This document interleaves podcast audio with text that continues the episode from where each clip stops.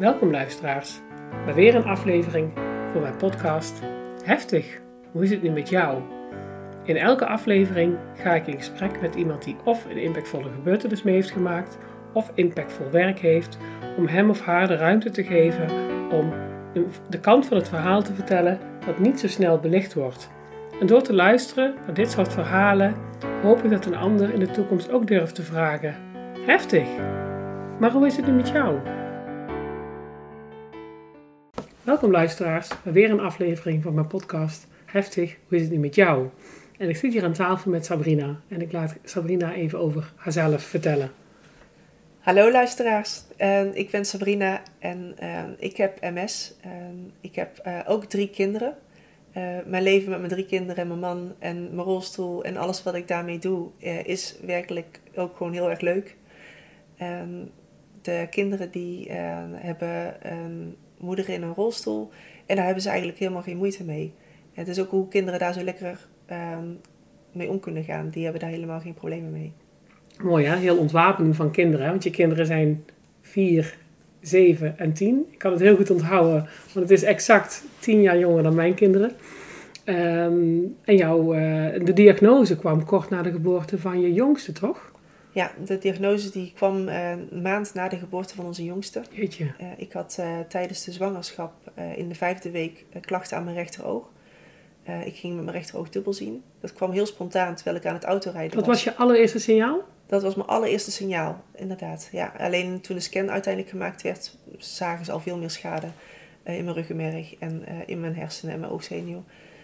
Um, maar dat was de eerste een typische uiting van MS, eh, die op dat moment ook een signaal was, maar niet gezien werd. omdat ik um, op dat moment ook niet onder een MRI, in, in een MRI kon, omdat ik zwanger was. En dat mag niet als je zwanger bent. Nee.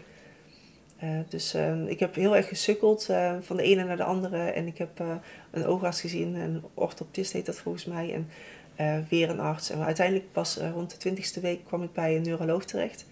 En toen was de klacht ook al een heel stuk weggetrokken. En die zei van nou weet je, het zal waarschijnlijk een virusje zijn geweest. maar voor de zekerheid, en dat is gewoon protocolmatig, maken wij na de zwangerschap een scan. Gewoon om te zien of het klopt wat we denken. En zo is dat dus ook gekomen. Ik eh, beviel twee weken later, dus het zou eigenlijk wat langer geduurd hebben. Maar het was na vier weken. En ik zou de uitslag eigenlijk pas in augustus krijgen. Dus er zou nog een maand tussen zitten. En toen werden we gebeld dat er een gaatje in het rooster was, of in de planning was. het was zomer, dus er waren mensen op vakantie gegaan. We mochten eerder komen. En zo deden we dat ook. We zijn naar het ziekenhuis gegaan. We waren eigenlijk op weg naar de dierentuin met de kinderen. Dus um, iedereen in de wachtkamer terwijl ik even de uitslag op zou gaan halen. Um, maar toen ben ik iets langer binnengebleven dan we eigenlijk gedacht hadden op voorhand. Um, want die dokter die vertelde me dat op de scan schade gezien was. Die uh, typerend was voor, of is voor MS. En dat er aanvullende onderzoeken gedaan moesten worden. die ze vervolgens ook in de computer allemaal aan gingen vragen. Dus ik had daar een half uur de tijd om uh, uh, alles even te laten binnenkomen, denk ik. Uh, en me ook te bedenken van wat wil ik nu eigenlijk weten. dus ik heb drie dagen vragen gesteld aan haar. De allerbelangrijkste voor mij op dat moment was, is het erfelijk? ja, dat was je belangrijkste vraag. Ja. Met je drie kleine kinderen. Ja. En kreeg je een antwoord? Ja, nou ja, ik, stelde er drie en eh, die vraag was gelukkig van, het is, zij zei het is niet erfelijk. Ik weet inmiddels dat, het, dat er een, iets verhoogd percentage is uh, voor mijn kinderen, dat zij, een kans is dat zij het krijgen, uh, vergeleken met uh, zeg maar, het gemiddelde risico.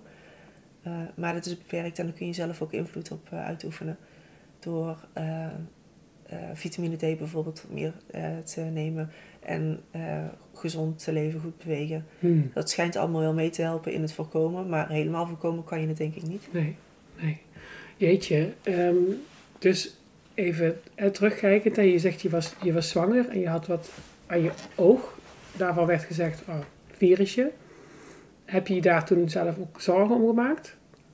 Nee, ik heb me daar toen op dat moment ook echt helemaal geen zorgen over gemaakt. Want ik vond het heerlijk om zwanger te zijn. Maar ik had twintig weken lang uh, alleen maar doktersbezoeken afgelegd.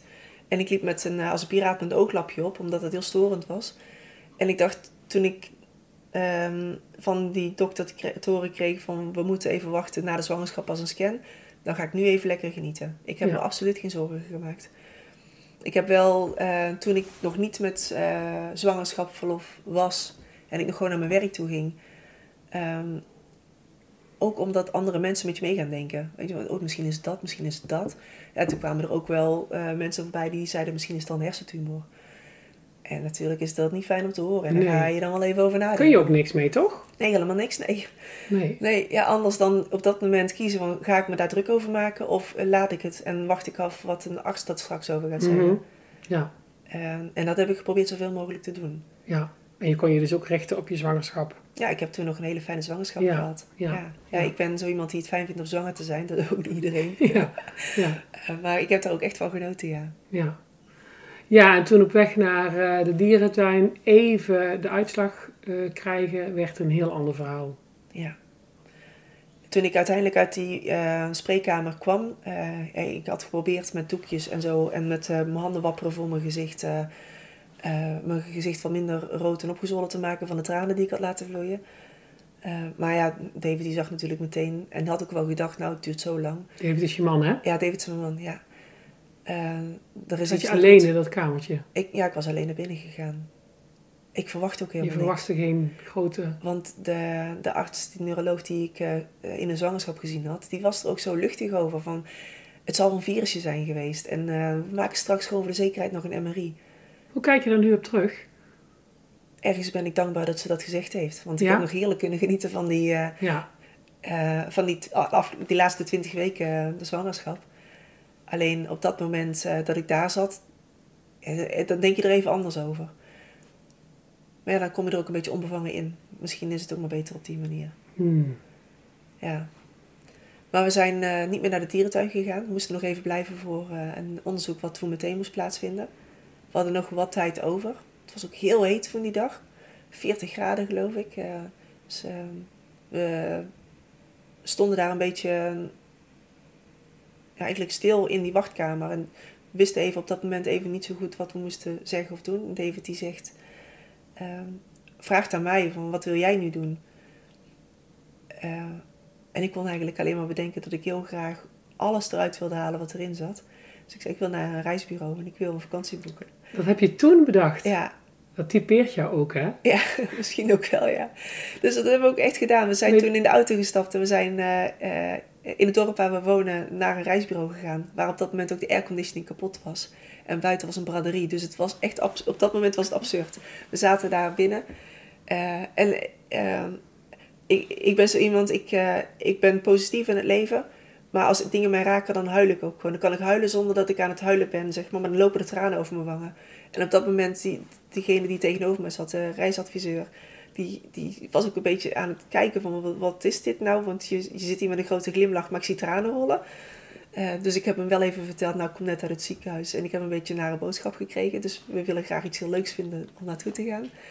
En toen hebben we ook eigenlijk niet eens nagedacht over wat het dan kostte. Of... Uh, Ehm, waar we naartoe zouden gaan. Enkel dat we natuurlijk met een baby aan het reizen gingen. Dus dan vind ik, het niet vind ik het fijn om niet te ver en niet te vliegen. En, dus we hebben toen een huis gehuurd in de Ardennen. Uh, een, een groot huis uh, in een dorpje, een heel stil dorpje, maar in de buurt van heel veel activiteiten die we daar konden doen. Ja. Uh, we hebben gekanoot toen we daar waren en we hebben een berg beklommen. Ja, een berg, een Ardense berg, dus mhm. niet zo hoog, maar ik was ook nog maar net bevallen. Ja. ja, je bent er te een klein beetje. Ja. ja. Um, maar ik had, um, zoals ik dat graag deed, um, Monroe, onze jongste, uh, met een draagdoek aan me vastgemaakt. En we hebben toen echt, echt genoten met elkaar. En ik heb toen af en toe wel momenten gespeeld met de gedachte van, nou, misschien is dit in de toekomst niet meer mogelijk. Hmm. En dat kwam ook wel iets sneller dan ik ja, gewenst had. Natuurlijk, niemand wenst dat, maar het kwam veel sneller. Dus het ja, MS verloopt bij verschillende mensen heel verschillend, hè? Ja. Bij jou was het meteen heel heftig, hè? Ja. Ja, ik zit in een rolstoel en dat hoeft niet de uitkomst te zijn van MS. Uh, hmm. uh, MS kan op verschillende manieren verlopen. Eh, ik heb de pech dat het bij mij wat agressiever verloopt. Eh, maar er zijn ook heel veel mensen die eh, eh, lopend oud worden en weinig last hebben van MS. Kan ook. Dat kan ook, ja. Ja. ja. Dus je, je krijgt die uitslag alleen in het kamertje omdat je niks verwachtte. Je zet een knop om en je gaat naar het reisbureau. Je gaat lekker op vakantie. Hoe reageerde je omgeving hierop? Je kinderen waren nog klein. Hoe was het voor je man? Hoe was het voor je vriendinnen, je familie? Hoe werd er gereageerd? Mijn familie, die, eh, ja, wat, wat, wat doe je als je zo'n bericht krijgt? Het is niet iets wat overgaat. Eh, het is een chronische ziekte, een progressieve ziekte. En dat eh, was voor hun net zo heftig. Ja, Ehm, mijn ouders die vinden het natuurlijk verschrikkelijk, want hun kind heeft eh, een ongeneeslijke ziekte. Ehm, mijn zussen, die, ja, we zijn natuurlijk met elkaar opgegroeid. Voor hun heeft het enorme impact. Ehm, waar ze op dat moment ook niet zoveel mee konden. Maar mijn, de omgeving daaromheen, ook als ik bijvoorbeeld kinderen naar school bracht, ehm, het, het, het ging natuurlijk wel rond. Dus mensen vroegen ook aan mij van, eh, hoe gaat het nou met je? En eh, ik gaf altijd een soort van antwoord van, eh, ja, ik mag niet klagen, weet je dat. Hmm. Dingen gaan wel lekker, ik word fijn geholpen en er zijn veel mensen omheen die, eh, die, die er voor me zijn. En dat is ook eigenlijk datgene wat op dat moment het meeste betekent. Hmm. Wat, ehm, wat ik altijd wel jammer heb gevonden is dat het dus voor mijn directe omgeving niet mogelijk is om daar ook hulp bij te krijgen. Tenzij ze zelf naar een huisarts gaan en er hulp bij vragen. Maar het is niet iets wat zomaar in een, een pakket zit. Zeg maar. Nee. Van, jij krijgt een heftige diagnose. We gaan ook eens even kijken hoe het met de omgeving van jou ehm, gaat. Want het is voor hun net zo goed een heftige boodschap. Bedoel je dan je kinderen, je man, Ja, maar ook, ouders? ook mijn ouders en ook mijn zussen. Ja, ik denk Dat, dat het voor iedereen ook weer sch- verschilt. Ehm, maar het is wel ook in hun leven een heftige gebeurtenis. Ja, ja. ja, mooi dat je dat aanhaalt. En eh, mensen die mij een beetje kennen weten ook dat ik daar enorme voorstander van ben. Om, om een omgeving, een kring om iemand heen bij elkaar te brengen. En dan dat, ook dat gesprek aan te gaan, dat te begeleiden. Ja, Dat is mooi. Ja, dat zou, voor, dat zou veel meer moeten gebeuren. ja, Ehm, ik denk dat er bij, ehm, ehm, ja, allemaal in mijn situatie bij zo'n diagnose, sowieso ook de vraag gesteld zou moeten worden. En misschien ook niet direct, want dat is misschien te eh, recht voor zijn raap. Maar na een tijdje, om even te kijken van eh, hoe gaat het nou met jullie? En eh, kunnen jullie ehm, het een plaatsje geven, een plekje geven? ja, Of heb je daar misschien nog wat hulp bij nodig? Wat uiteindelijk, wat mijn ouders en mijn zussen en David, mijn man, voor hem is natuurlijk het heftigst. Want hij heeft nu een vrouw met MS en kinderen die een moeder hebben met MS. En we hebben het met elkaar te doen. Ehm, hij zegt dat het, eh, datgene wat voor hem het verschil maakt, dat, hij, dat het voor hem te dragen is, eh, is dat, het, eh, dat, dat ik positief in het leven sta. mm, Dat ik er zelf geen drama van maak. mm, En dat maakt het voor hem ook luchtig. Ja. Weet je, dat het, Ja. ja. ja, ja, ik zit niet altijd in, een, eh, in, een, in de put. Of, ehm, we maken met elkaar heftige dingen mee. Maar het helpt hem dat ik dan ook dat weer om kan draaien in iets positiefs. ja. Ja, ik vind het altijd zo bijzonder dat het dan in de persoon zelf moet zitten. Dat de persoon die het zelf betreft, dat zie je ook bij allerlei mensen die ziek zijn op allerlei manieren. Van, Mhm. zij maken het de omgeving makkelijker om ergens over te praten, naar je toe te komen. Ja, en die kracht heb jij gelukkig in je. Maar het moet ook allemaal vanuit jou komen. Ja, nou, ik ben ergens ook wel de oorzaak natuurlijk dat het er is. Ja, je, je- het is maar net hoe je dat bekijkt natuurlijk. Want ik heb het Mm. niet expres veroorzaakt. Maar Nee. ehm, het betreft wel mij. Ja, ja, ik, ik zou het ook niet anders kunnen, denk ik, dan op zo'n manier doen.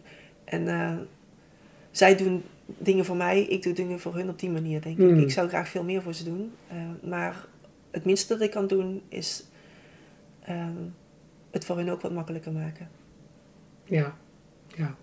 Ja, die blijft altijd Ja, ingewikkeld, hè? Maar ja, Ja. ik vind het wel heel mooi om- wat je van tevoren ook al tegen mij zei over jouw kinderen. Eh, die weten eigenlijk, de oudste weet nog wel dat jij liep, zeg maar. De lopende mama. De middelste een beetje. een beetje, ja. En de jongste natuurlijk niet, die was baby.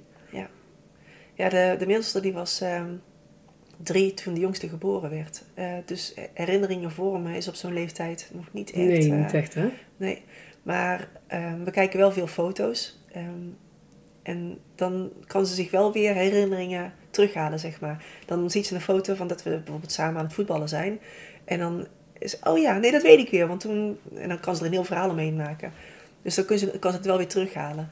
Maar ehm, voor Monroe, de jongste, is het juist heel erg gek om mij te zien lopen. Ja, Want hij heeft me nooit anders gekend dan in een rolstoel. ja, Dus we kijken net zo goed met ja, het mooie van een mobiele telefoon en foto's maken met je mobiele telefoon. Is dat je fotoalbums tegenwoordig Mhm. daarop zitten.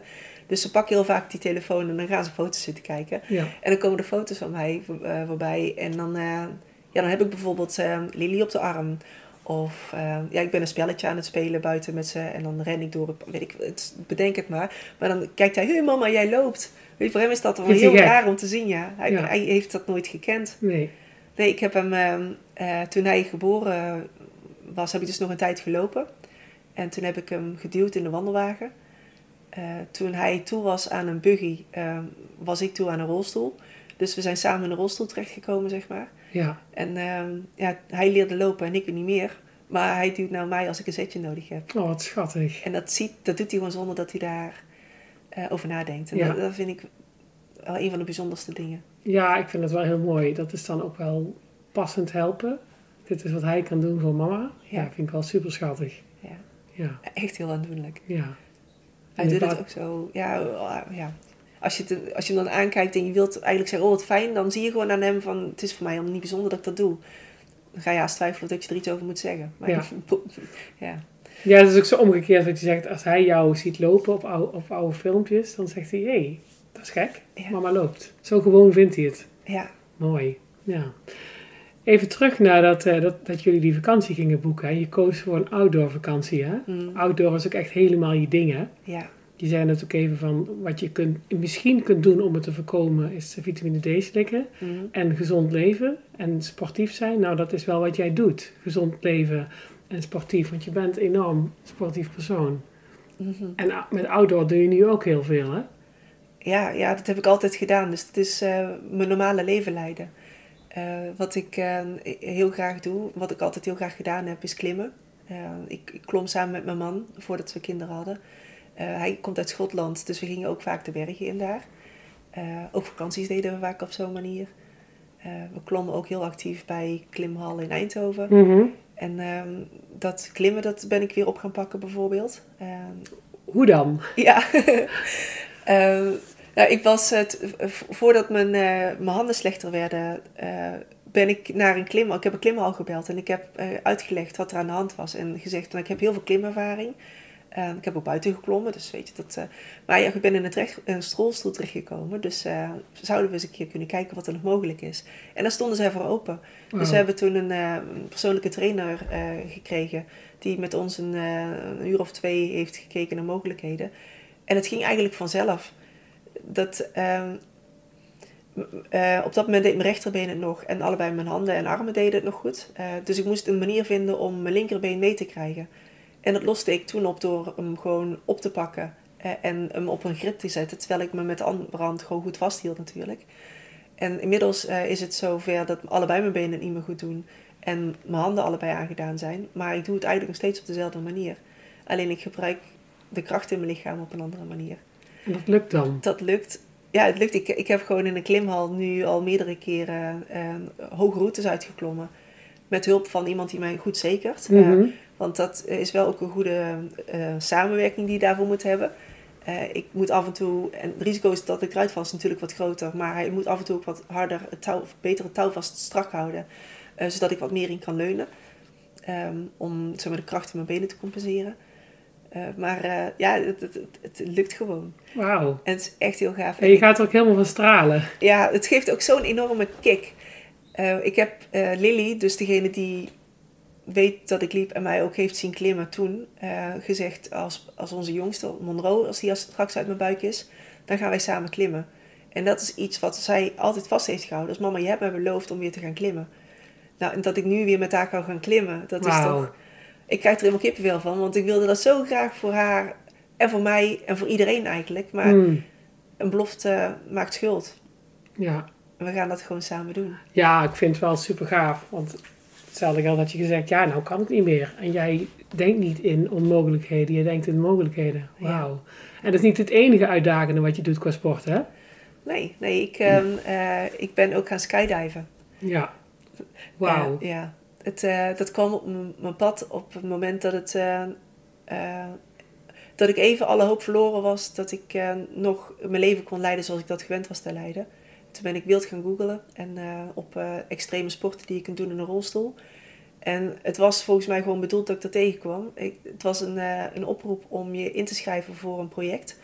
En dat ehm, eh, sloot die avond. Dus ik, heb, ja, dus ik heb toen ik heb even David gevraagd van vind je het goed als ik dat doe? Ja, natuurlijk, ga je gang. Dus ik heb als een razende een, een motivatiemail getypt waarom ik daar heel graag bij wilde zijn. Ehm, en ik ben uitgenodigd om te komen, samen met 119 anderen. En uiteindelijk is er een team van vijf eh, geformeerd. En ik ben een van die vijf die mocht mee gaan trainen voor het WK in Marseille in 2022. En je deed mee, hè? Ik deed mee, ja. Super cool. En ik krijg hier kippenvel, want het zijn Ja. die, die momenten die... eh, dan voel ik gewoon dat ik leef. Ehm, dat, dat, dat zijn momenten waarop ik ook alles wat ik in me heb kan gebruiken om iets waar te maken. Ja. Eh, ik heb het ook goed gedaan op dat WK. Ik ben de tweede snelste vrouw geworden. Wauw. Echt heel cool. ja, ik had het niet verwacht op dat moment, maar het kwam gewoon in één keer allemaal zo. eh, ja, het, het was fantastisch. Is dat er dan ook even niet? Of, gaat dat te ver? Nou, het was er op dat moment even heel heftig wel. En dat was ook de Oh. reden dat ik het niet verwacht had dat het, eh, dat het zo goed zou gaan. En wat bedoel je daarmee? Eh, nou, als ik ga, ga skydiven, ik heb een brace om mijn benen, die mijn benen op, op de plek houdt. eh, in een hoek, zodat mijn benen op, in de juiste hoek gebogen zijn. Ja.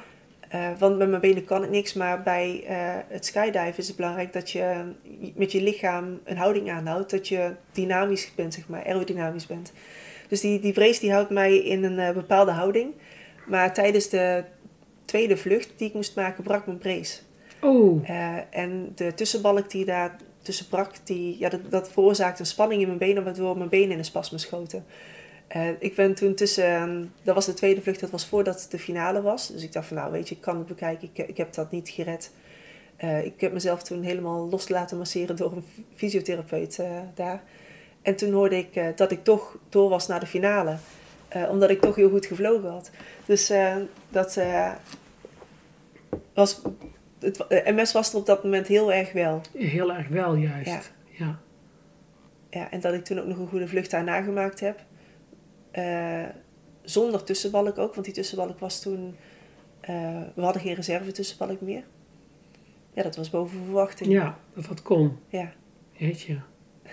Wat is je volgende ambitie? Nou, ik heb de kans gekregen om eh, dit te mogen doen. En dat is gesubsidieerd geweest door de Europese Unie. En City Skydive, dat is eh, mijn clubhuis, zeg maar. Eh, die hebben daar ook aan bijgedragen. Eh, we hebben allemaal een persoonlijke trainer gehad, bijvoorbeeld. En zij hebben er financiële ook een bijdrage aan gedaan. En het heeft mij zoveel gebracht. Het heeft mij zoveel doen inzien. En ik heb ook verhalen gehoord van mensen, van die 119, die ook een proefvlucht hebben mogen maken. Eh, dat het ze tot iets moois gezet heeft. Dat het ze ook eh, heeft laten merken dat ze met hun lichaam meer konden dan dat ze eigenlijk dachten dat ze konden. Hm. Eh, ik wil dit mogelijk maken voor veel meer mensen. Ja. Het is een enorme dure sport, die daardoor door eh, veel mensen onbereikbaar is. Ik wil die financiële drempel weghalen eh, door eh, eh, een, een, stuk, een flink stuk daarvan uit een pot geld te kunnen financieren. Ja, dus daar ben je nu mee bezig, hè? Ja. Te kijken hoe kan ik hier geld in die pot krijgen. Wat doe je daarvoor? Wat heb je ervoor nodig? Misschien kun je nog een oproep doen. Hm, Ik heb daar sponsoren voor nodig. Ja, Eh, nou, dat ik- is meteen een oproep. Dat is meteen een oproep, ja. Ehm, eh, ik ben daar zelf ook heel hard voor aan het werk natuurlijk. Eh, wat ik daarvoor nodig heb is ook een netwerk. ehm, omdat ik niet alleen op die plek waar ik getraind heb ehm, eh, het mogelijk wil maken, maar ook op andere plekken. Dus ik ben... ik heb ook een bericht geschreven naar de Koninklijke Nederlandse Vereniging voor Luchtvaart. Ehm, daar heb ik ehm, mijn verhaal ook gedaan. En ik heb daar volledige steun gekregen. Dus zij helpen mij nu ook met het verder uitdenken van het idee. Oh, wauw. Ehm, zij hebben natuurlijk eh, contacten bij al die plekken waar je kunt skydiven, indoor, outdoor. Eh, en ik heb volgende week zelfs een gesprek met twee mensen van de sportcommissie die daarover met mij eh, van gedachten willen wisselen. Oh, wat goed. Ja, ja dat is. En ik- het zijn allemaal hele fijne mensen. Hmm. En dat, de, de, de, de, ehm, de wil om mee te werken, die, die is er ook. En om daarin creatief eh, met elkaar te zoeken naar oplossingen ook. Ja, Ja, dus eh, wat, wat eh, denkkracht, zeg maar, heb ik veel mensen om me heen die daar ehm, iets in kunnen betekenen. nou, de financiën. Nou, de financiën nog, ja. Ja, ja, De financiën, dat is wel een heel belangrijk iets, ja. ja. Ja, dat is ehm, ingewikkeld. Maar wie weet draagt, Wie weet. draagt dit er ook weer aan bij. Ja, Ja. En je was nog met een ander iets bezig met mogelijkheid tot meer outdoor te doen met ja. beperking? Eh, wat- als je in een, eh, in een rolstoel zit ehm, of moeilijk te been bent, dan eh, kun je wel de natuur in, maar dan ben je vaak beperkt tot de fietspaden bijvoorbeeld, de wandelpaden die beter verhard zijn. Eh, het eh, ware avontuur ligt natuurlijk buiten die fietspaden, Ja. eh, in het echte bos, waar je over takken struikelt en zo. En ik noem dat zwerfsport. Ik heb hem geleend van Bever, want ik geloof ook echt dat dat is wat het is. Waar ik het liefste wandelde altijd was niet op de paden, maar juist dwars door de natuur heen. Ja, Want dan kom je op de mooiste plekken. En dan heb je echt ook dat gevoel van, oh, moet je eens kijken wat ik hier zie en wat ik bereikt heb. En, en dat eh, kan je natuurlijk in een rolstoel niet zo makkelijk. Eh, ik doe het wel, maar dan doe ik dat op grote wielen. en op, eh ja, op dus in een wheelie. Je maakt een wheelie met je rolstoel. ik maak een wheelie met mijn rolstoel. En zo ga ik ja, de, de- over de zandpaden en met de kinderen door de modder plassen. En mam, kijk, daar staat een mooie paddenstoel. En dan ga ik gewoon met ze mee naar die paddenstoel, die dan een, stu- een stukje verder het bos in ligt. Maar het is ook niet vanzelfsprekend dat je dat kunt. Het is niet iedereen Nee. gegeven. Eh, het is ook best wel zwaar. Dus ik ga binnenkort ook een rolstoel krijgen waarin ik dat makkelijker kan. Eh, maar rolstoelen die zijn ehm, duur. En ehm, niet iedereen heeft ze ook dagelijks nodig. Dus wat ik ehm, wil bereiken is dat ik bijvoorbeeld op, in een natuurgebied bij een eh, informatiecentrum zo'n rolstoel neer zou kunnen zetten die je daarvoor zou Oh. kunnen gebruiken. Eh, zodat je daar naartoe kunt gaan Die geleend kan worden. en die kan lenen. Wat een mooi idee. Ik heb daarover ook gesproken met een eh, organisatie die daar ook mee aan het spelen is. Die wist nog niet van mijn idee. En die las over mijn idee en die dacht, misschien kunnen wij krachten bundelen, kunnen we voor elkaar iets betekenen. Hmm. En ja, wie weet wordt dat ook iets. Ja, we vinden het heel normaal dat je bij een wit-gele kruisgebouw, of hoe noem je het tegenwoordig, een, een, een eh, stok of een eh, rollator of een bed voor in de kamer kunt lenen. Ja, Maar jij wil dit mogelijk maken. ja. Hulpmiddelen voor de natuur ingaan. Ja, ja, want we willen met elkaar allemaal eh, zeg maar, drempels verlagen. Mhm. en ik vind het ook heel erg goed dat inclusie tegenwoordig ehm, ehm, heel goed belicht wordt en door iedereen wel serieus bekeken wordt. Ehm, maar ook dit is inclusie. Ja. Eh, want eh, een winkel in kunnen is het één, maar eh, gewoon de natuur om je heen kunnen betreden, dat is natuurlijk ook heel belangrijk. Ja, zeker. En jij wil ook een moeder zijn die met de kinderen in het bos kan ravotten binnen jouw mogelijkheden, maar dan daar wel het uiterste uithalen. Ja, zeker weten. Ja, zeker weten. Ja. Wat een mooie missie. Ja. Ja. Ik, ja, ik, hoop, ik, hoop natuurlijk, eh, ik hoop natuurlijk dat het, dat het lukt. Ja, ja.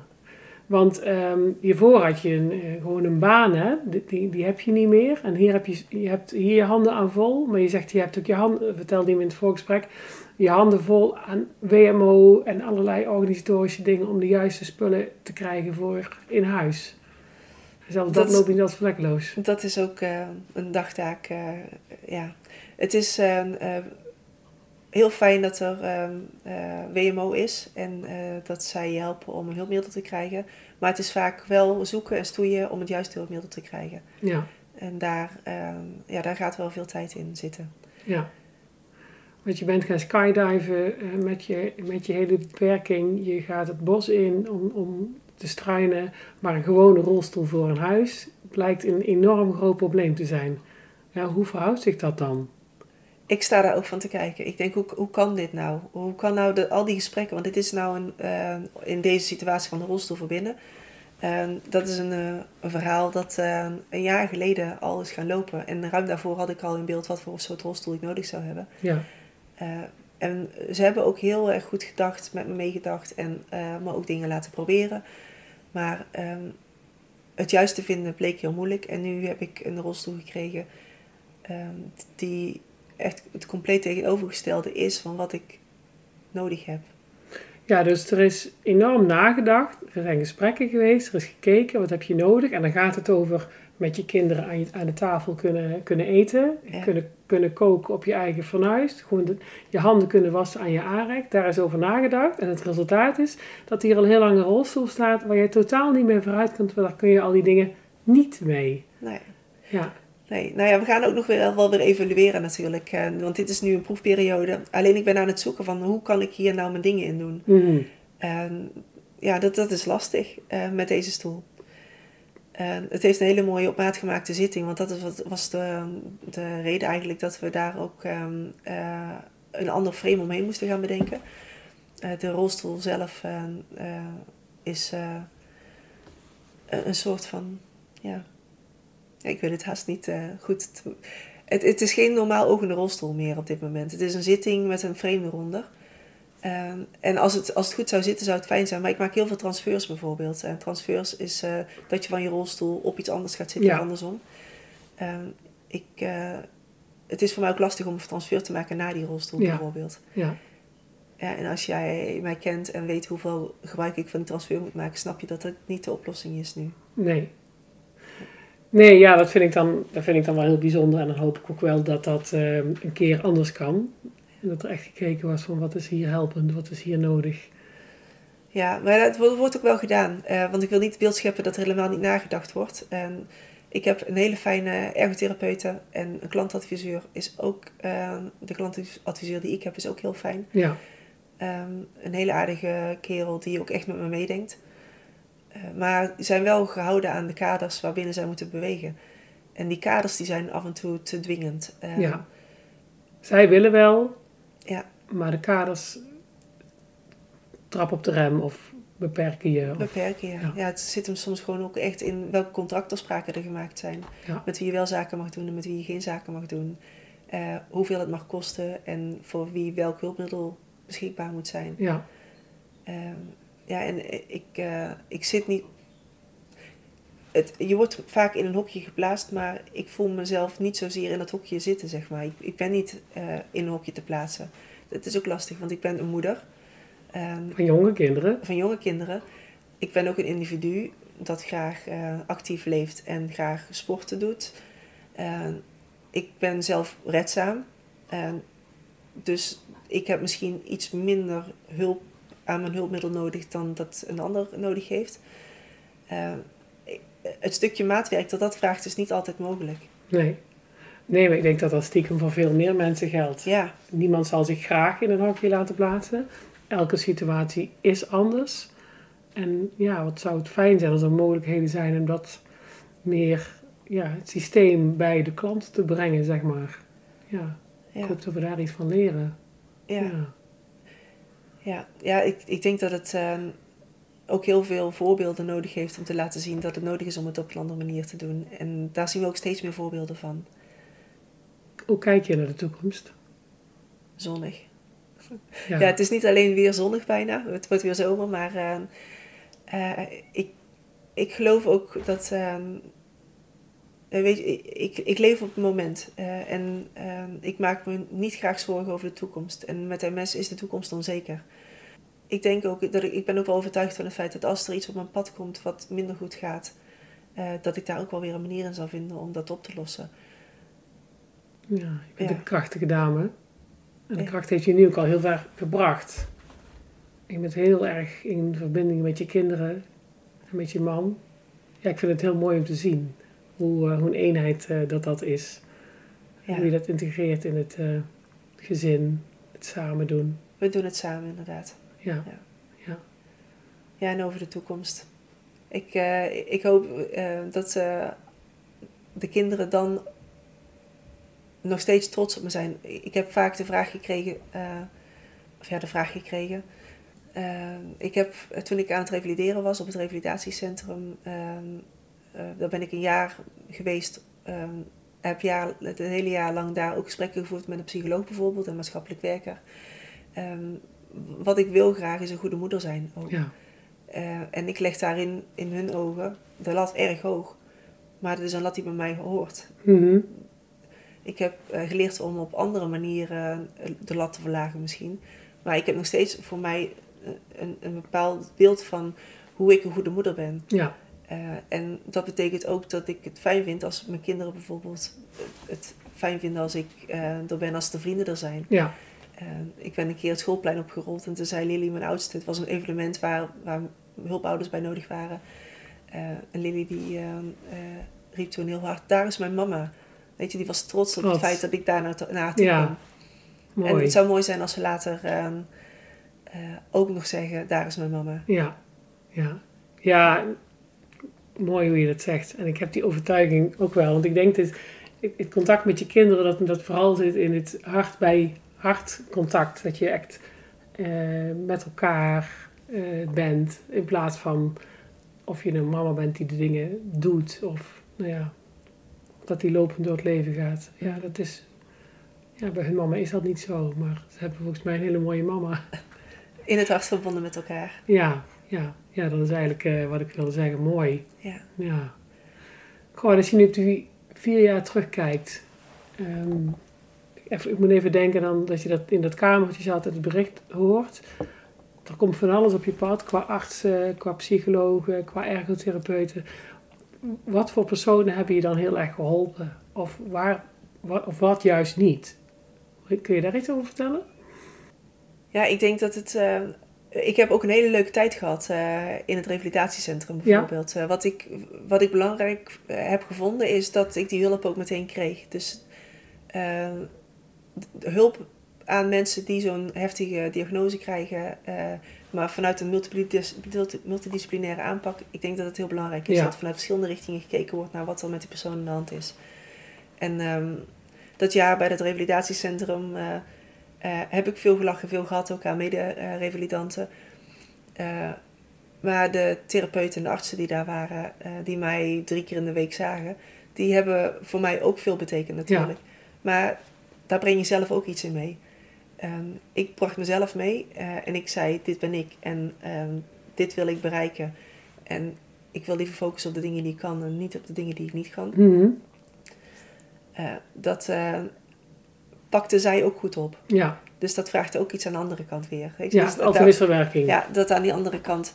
En wat ik eh, uiteindelijk ook wel heel erg fijn heb gevonden, is de gesprekken met de, met de psycholoog ook. Eh, wij konden ook eh, hard lachen met elkaar. Eh, ik heb me daar ook helemaal bloot durven geven en me kwetsbaar opgesteld. En echt naar mezelf gekeken. Geluisterd naar wat hij aan adviezen had. Maar hij heeft ook naar mij geluisterd. Ja. om het ook zo op zo'n manier te kunnen brengen en formuleren dat het ook echt helpt in de missie die ik heb, zeg maar. Mooi. En je missie is. Je hebt het eigenlijk al gezegd. Ja, die, die moeder zijn, Ja, eh, dat is wel mijn, eh, ja, mijn drive. ja, En die moeder ben ik door te zijn wie ik ben. ja. En Mooi. de dingen te kunnen doen die ik graag wil doen, want daarin neem ik hun ook mee. Sabrina, we zijn eh, zo'n beetje aan het einde van de, van de podcast. Ehm dankjewel voor dit hele mooie gesprek. Ehm, is er iets wat je de luisteraar mee wil geven? Wat ik voor mezelf heel belangrijk heb gevonden en nog steeds vind, is dat ik durf te dromen. Dus dat wil ik ook meegeven aan, eh, aan de luisteraars. Eh, durf te dromen, laat je niet beperken en zoek grenzen op en kijk dat je ze kunt verleggen. Prachtig. Ja, dat is wel een hele mooie afsluiter. Daar kan ik eigenlijk niks aan toevoegen. En eh, jij bent daar een heel mooi voorbeeld van. Dankjewel. En heel veel succes met de mooie doelen die je hebt. Dankjewel. Dankjewel voor het luisteren naar mijn podcast. Ik vind het super leuk om te horen wat jullie ervan hebben gevonden. Dus dan mag je me altijd een appje of een mailtje over sturen. Dankjewel en tot de volgende keer.